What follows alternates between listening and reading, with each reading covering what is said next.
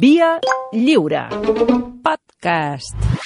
Au village sans prétention, j'ai mauvaise réputation. Que je me démène ou que je reste quoi, je passe pour un je ne sais Hola, quoi. Malcom Otero, bon dia. Hola, Xavi. Ui, què és aquesta Estic veu? una mica, estic una mica decebut amb tu, tio. La, decep la decepció m'envaeix. Que l'altre dia vam dinar d'una i mitja a tres i mitja i no em vas comentar què? una cosa tan fonamental, tan Què? important, com que avui era el dia mundial de la croqueta. Hombre! Que tot pels patateros. Un, Malcolm, per què no vens a l'estudi, que ja has passat el Covid, que estàs immunitzat, fer-me feliç? No. No!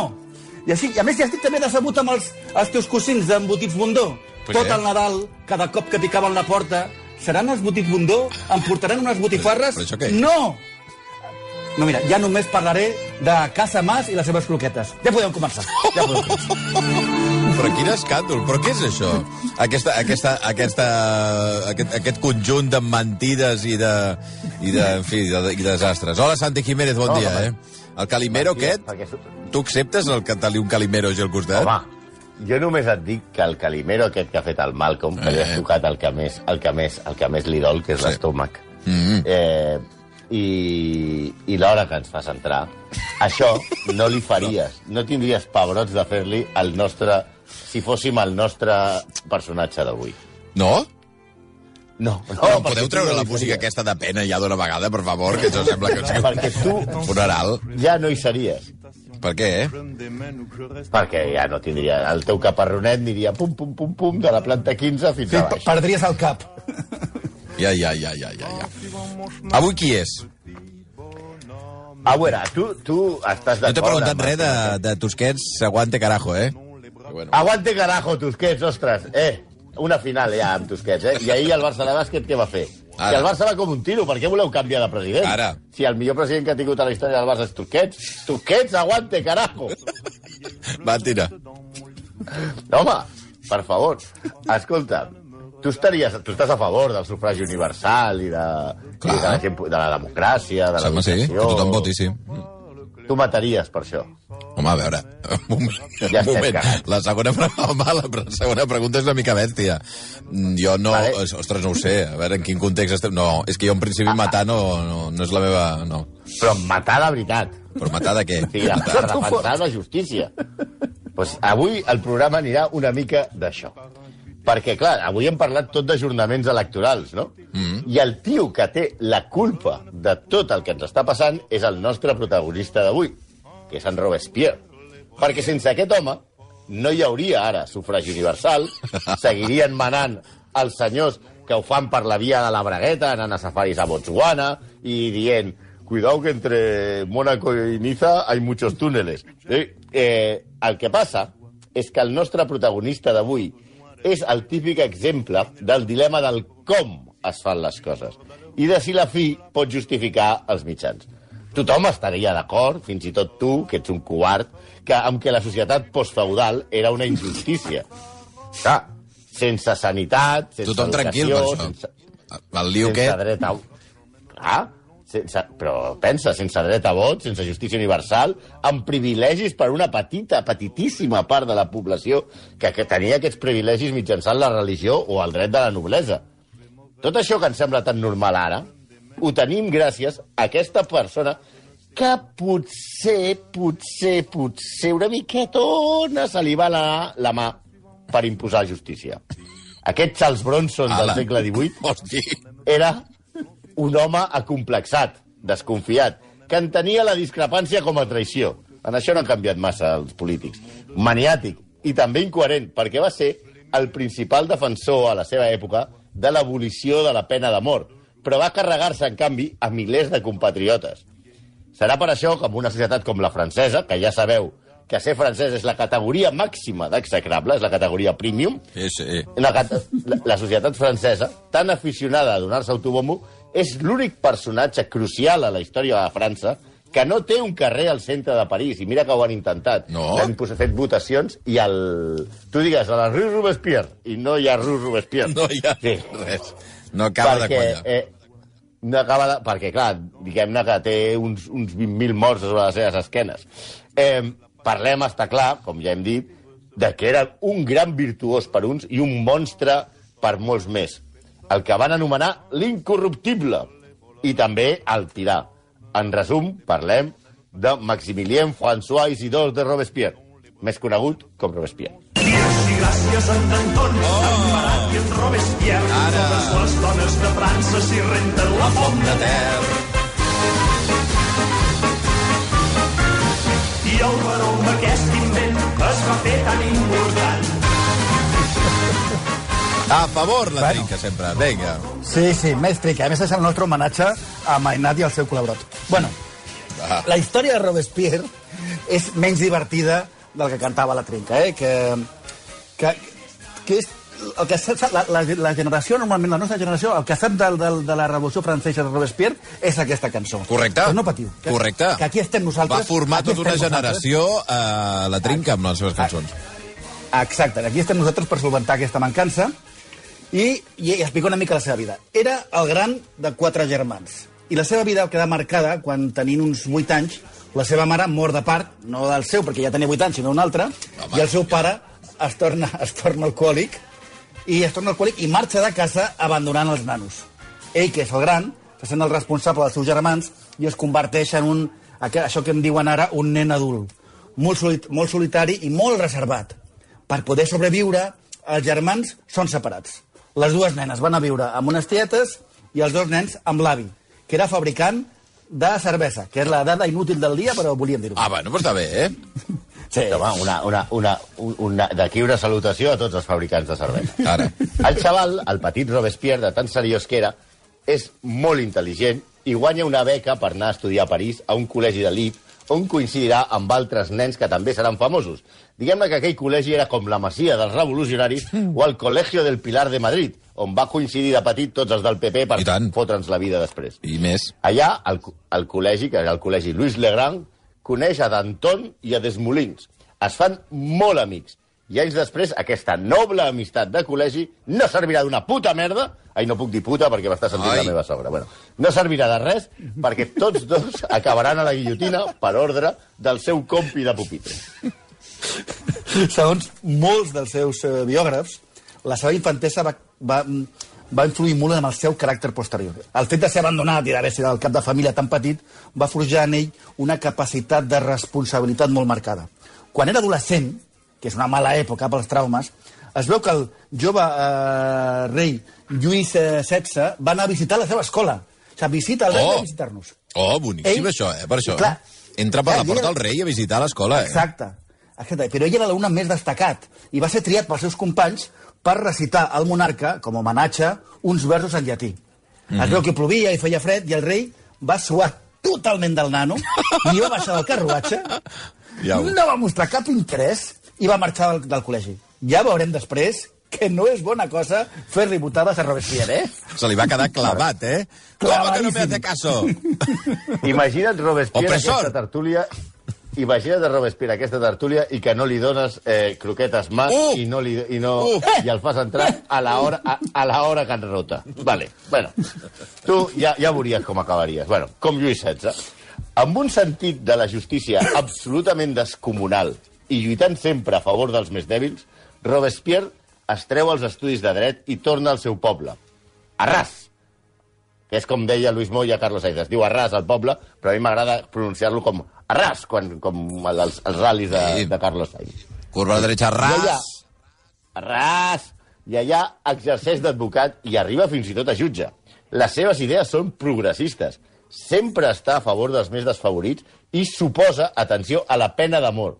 El comte de Mirabó, Molt bo, eh? escriptor i, i també eròtic, i, escriptor en general, i també escriptor eròtic i Oh. revolucionari, també va ser revolucionari després de la Revolució Francesa, per això va ser conegut posteriorment com l'orador del poble o la torxa de Provença, creiem que l'orador del poble és per revolucionari i la torxa de Provença per ho que follava. Va, Ai, que no, aquesta home, no, que la torxa il·lumina. Ruc, per favor, sí, eh? sí, però el va conèixer... va. Ostres, tu. Va conèixer, dèiem que el comte de Mirabó va conèixer en aquella època Robespierre i va dir aquest home creu el que diu, arribarà lluny. Sí, el que no sabia el comte és que el cap aniria per una banda i el cos per una altra. Robespierre, Robespierre fa carrera política i arriba a París. I allà és on la lia parda. Hombre, Avui bona música, eh? Sí. Avui no et pots queixar, Xavi. Bueno, ell arriba a París... no sé d'on l'heu com tret aquesta cançó per això, perquè la versió realment sona com si fos a dins d'un vàter, eh? Però bueno, endavant. No, no ho sé. això- Eh, eh, vamos, Rafa, eh? Sí, sí, sí, exacte. Amb un megàfon. Ell, ell arriba a París com a membre del tercer estat per participar als estats generals. De seguida es fa un nom com orador, o com a l'orador més destacat dels diputats més progressistes que es reunien en el convent de Sant Jacob. I per això se'ls coneix com jacobins. I que seien a l'esquerra de l'auditori on es reunien. D'aquí devem al nostre home la divisió ideològica en política entre progressistes, com a l'esquerra, i els conservadors a la dreta. Resumint, la situació a França era un drama. El poble es mor de gana. El rei és un penques que ha convocat els estats generals però no els fa ni cas. I conspira contra el seu país i mira de fugir. Però és detingut a, a Barent pel pas de l'ESO, que no és un jugador del, del Madrid, sinó és una població francesa. No, home, no. I, un, I hi ha una França en plena revolució li declara la guerra a Àustria. En aquell moment, Robespierre es radicalitza i es converteix en el lobo hombre i els seus objectius són els d'acabar amb els moderats i portar el rei a on? Al patíbul. Ara. El país està en mans de la Convenció Nacional que discuteix què fer amb el rei i la reina. Uns aboguen per l'exili i pactar la pau amb Àustria. Altres, liderats per Robespierre, volen mambo. Robespierre, per imposar el mambo, dona un cop d'estat i es fa amb el control i deté els seus rivals polítics, que duraran amb el cap sobre les espatlles uns 10 minuts, més o menys. Es crea el Comitè de Salvació Pública i comença una època meravellosa coneguda amb el bonic nom de El Terror. Hosti. Sí, us en recordeu que Robespierre era, als seus inicis, un ferm detractor de la pena de mort? Ara, no, no, des del punt de vista, des del punt de vista, no sé, acadèmic, en contra, en, sí, sí. és com el Marcelí Virgili, en contra de la pena de mort. I després... Totalment. No cal, se li va passar. Se li va passar. Ell havia estat escrit. Matar un home no. Matar a un home és tancar-li el camí per tornar la virtut. Això és, és matar és com si fos francès, un senyor? Sí, sí. De veritat, sí, et surt millor el mexicà. Bueno, va. Eh, Bueno, va, vale, farem. Matar un home és tancar-li el camí per tornar a la virtut. És matar l'expiació. És cosa deshonrosa i matar l'apenediment. Apenediment.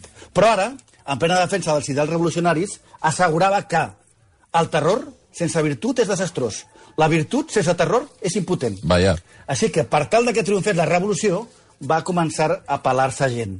I es veu que això de tallar caps a la guillotina és com començar un pot de patates fregides. Quan haces pop, ja no hi ha stop. Sí. Se li va anar, com dèiem, una miqueta a la mà al nostre màxim. Entre el No mes cap. de setembre de 1793 i el mes de juliol de 1794 van morir a la guillotina, les xifres ballen segons els historiadors, però més o menys, per, per, per, per agafar una que estan tothom d'acord, unes 17.000 persones. Carai. El 70% d'elles sense judici. I en el període, dintre del terror... Hi Són havia menys un d'un, menys d'un any, eh? M'estàs dient, tu? Eh, Del Sí, setembre sí, al sí. juliol. Sí.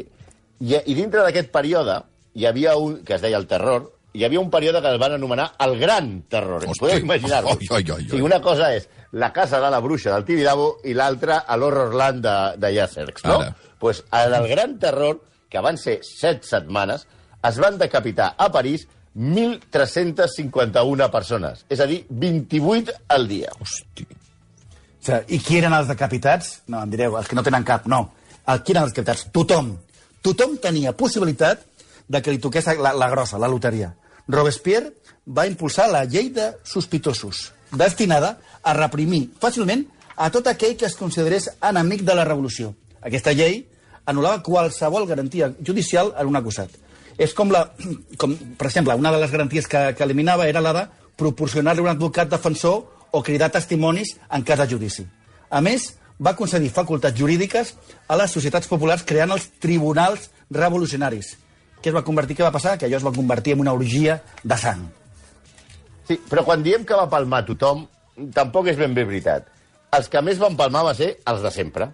Mireu, s'ha calculat que dels guillotinats en aquest període només el 8,5% pertanyia a la noblesa, el 6,5% al clergat i el 85% restant era el poble. Comerciants, advocats, camperols, sansculots i, per sobre de tot, rivals polítics. ni que fossin antics companys d'escola, com d'Anton o Desmolins. Sí, d'Anton, que no treballava en Lucky Luke, sinó que era l'amic d'escola de, de Robespierre, era el líder era el líder de la banda jacobina, juntament amb Robespierre. Però ell era de l'ala, diguem-ne, moderada entre els exaltats.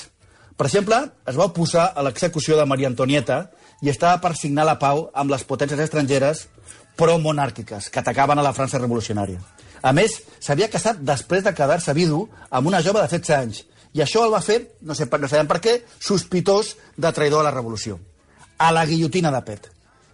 El mateix va passar en Desmoulins, o en Desmolins, el seu antic company d'escola, de, de, de Robespierre, que des de la presó va enviar-li una carta desesperada demanant clemència, que mai va obtenir resposta.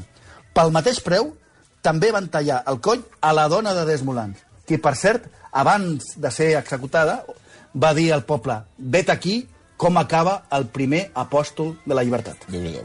Sí, però com a, com a última frase, la, més, la, que, la que guanya és la d'Anton, que va dir al Butxí no s'oblidi d'ensenyar el meu cap al poble, que val la pena. No Perquè fotis. el que tenia un, tenia un bon bolo. Era guapo. veu, el senyor. Oh. Era guapo, sí, era un tio així molt, molt atractiu i, i a més molt intel·ligent. I va dir, quan el talli, ensenyi-li el poble que els agradarà. Però no només es va carregar els suposats revolucionaris moderats, també es va carregar els revolucionaris més extremistes perquè eren incòmodes. És el cas d'Herbert, que era un protocomunista i ateu militant, però que era un obstacle per la religió que havia imposat eh, Robespierre a la societat francesa. Robespierre havia imposat la, el culte al ser suprem, que va imposar obligatòriament.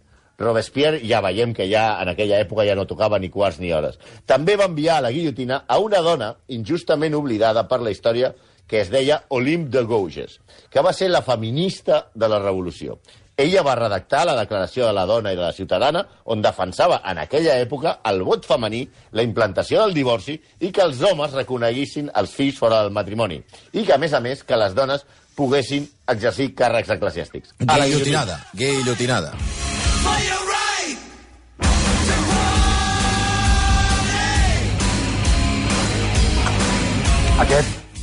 Aquest és gairebé el nostre moto. Fight for your right to party. En fi, la, la, la qüestió i el gran misteri a Robespierre és eh, el de veure com una persona amb unes idees tan elevades de justícia en tots els àmbits va utilitzar uns mètodes tan bèsties per instaurar eh, aquestes idees. Últimament s'han escrit diverses biografies que humanitzen a Maximilien, que fins, fins fa ben poc ocupava un lloc, diguem-ne, amb Adolf i Joseph, el, el podi del Campionat d'Europa de genocides, amb menció especial per Francisco Franco, això també. Javier García Sánchez ha escrit una monumental biografia sobre Robespierre, que es titula, que es titula crípticament Robespierre, en la que el presenta com un idealista i defensa que ell no va autoritzar personalment més de 4 o 5 condemnes de mort. Per la seva part, l'historiador eh, australià Peter Mc- McPhee, titulada Robespierre, una vida revolucionària, també un títol molt, molt críptic, el presenta com un gran virtuós i un home esclavitzat per la seva idea de justícia a tota costa i coincideix en assegurar que odiava la violència. Que odiava la violència. Només defensava el seu dret a la festa, com el Beastie Boys. Ell considerava que la revolució havia de defensar-se i deia, obro cita, s'ha d'actuar en exercici de la virtut i exercir-la individual i col·lectivament. El govern revolucionari li deu als bons ciutadans tota la protecció nacional i als enemics del poble només els hi deu la mort. I això és el que et deia. Tu estàs disposat a matar per defensar els teus ideals? Aquí està la clau. Aquesta integritat moral i la seva repulsió als plaers físics i als vicis, tot i que li muntaven campanyes i fake news per tal de desprestigiar-lo, li van valdre el sobrenom de l'incorruptible. Incorruptible? Potser sí. Indesmembrable? Ara veurem que no. Hace ya un tiempo que veo demasiadas cabezas vacías Ay. unidas a cuerpos y siento que su anatomía sería poesía si abrieran sus ligamentos y ver cómo Ay, por la sangre de tanto cobarde Home, va. La, la millor cançó l'hem deixat, l'hem l'hem guardat pel final. De qui Us és recomanem això? la cançó... La, la, la, de Sons of Aguirre, juntament amb Estila, aquesta cançó. Eh, però no la, no la podem posar sencera perquè tancarien la ràdio, eh? però l'heu de sentir vosaltres a casa vostra. Òbviament, òbviament, amb la seva manera d'actuar, Robespierre no era el nen més popular del col·le. O sigui, massa amics no tenia, i els que tenia se'ls havia carregat. Així que era qüestió de temps que ell mateix s'apliqués la, la màxima de Pedro Navaja, eh, que en hierro mata, a hierro termina. El 27 de juliol del 94, un dels seus col·laboradors havia de llegir un informe de Robespierre davant dels diputats. Sabien tots els diputats el que això suposava, que aniria gent a la guillotina. Mm. Cada vegada que hi deien, hòstia, que ve Robespierre i llegeix un informe, va dir, hòstia, d'aquí en surten 25 cap a la guillotina. Clar, els informes eren només llistes de gent desafecte a la revolució. Era jo, François, a la guillotén. Eh, Marité, François, Girbó, tots a la guillotén. Vale. El pànic es va apoderar dels diputats que van impedir la lectura del discurs. Robespierre havia aconseguit tenir acollonits als seus, als rivals i a tota França. I tots estaven d'acord en que havien d'acabar amb ell. Li van muntar un cop d'estat i el van mirar a detenir. En principi, ho van aconseguir. Però els Sans Colot, que devien ser, que eren els ultres, els casos, els de l'època, el van alliberar i es va refugiar a l'Ajuntament. Però va haver un assalt militar i després d'un tiroteig va ser definitivament arrestat. Sí, va ser empresonat i el dia següent, al costat de 21 dels seus col·laboradors, va ser guillotinat a la plaça de la Revolució, Hombre. que és l'actual plaça de la Concorde. Estava fet un cristo. Els historiadors no es posen d'acord en el que li va passar en el tiroteig. Però el fet és que va pujar a l'entaulat en, la, en la mandíbula penjant Hosti, no i aguantada en una vena plena de sang. Però què dius? Un, un, di- uns diuen que a l'assalt dels soldats el van ferir i altres apunten que es va intentar suïcidar d'un tret a la boca i que va fallar. Oi, oi, que ja és oi, difícil, eh? oi, oi, oi, potser, era, potser era com Alexis, potser era com Alexis davant de la porteria, però no ho sabem. Més aviat, més aviat Griezmann. És, és. Si Alexis ara ja està una mica de modé, eh? La comparació amb seria, Alexis. seria, que va ser l'intent de suïcidi, que també és francès. Vés a saber si alguna cosa no té, no té a veure. Ai. De, de, fet, re- de fet, recordeu que 9 de cada 10 dentistes entrevistats desaconsellen el tret a la boca com a remei contra la càries. Escolta'm, fes el favor. El butxí, favor. sense miraments, li va arrencar la vena de la cara, fet que va fer que Robespierre fes un crit esfereïdor que es va sentir tota la plaça, li va posar el coll a la guillotina i apa, pam! Aquí es va acabar l'aventura del nostre home. El que no s'explica tant és que el període immediatament posterior, els suposats moderats també es van passar a tres pobles. El nou terror va ser més bèstia que el de Robespierre, perquè van passar les factoretes que tenien guardades de quan manava Robespierre. Només a la, a la primera setmana d'aquest període, que es va dir el període termino, Termidor, es van executar a París 342 persones. 38 al dia. Hosti, tolon, tolon, hosti, tolon. Nou nou rècord. Nou rècord. Això sí, després d'aquesta carnisseria, i aquí és on van van a parar, els francesos no han tornat a tenir rei. Es va instaurar el dret al sufragi universal, a la sanitat, a l'educació, i es va posar fi als privilegis dels nobles i el clergat. Com a mínim a França. No sé si estaríeu disposats a passar per alguna cosa així per fer justícia. Ai, senyor. 11 i 42 minuts avui... No m'has contestat, no, eh? No, no, perquè és una pregunta que queda a l'aire. Són preguntes d'aquestes, oi? Saps? Retòriques, Retòriques. que en diuen. Uh, avui Maximilien François Isidore de Robespierre uh, els execrables. Uh, uh, Santi Malcolm, que vagi molt bé, eh? Malcolm, uh, si has de tornar a fer el ploraner, uh, avisa'm abans. Eh, Avisa tu. visca, visca La la, croqueta. croqueta de Casamassa. Ara. Apa, adiós. Adiós, adiós, adiós. adiós. Adéu. viendra me voir pendu, sauf les aveugles, bien entendu.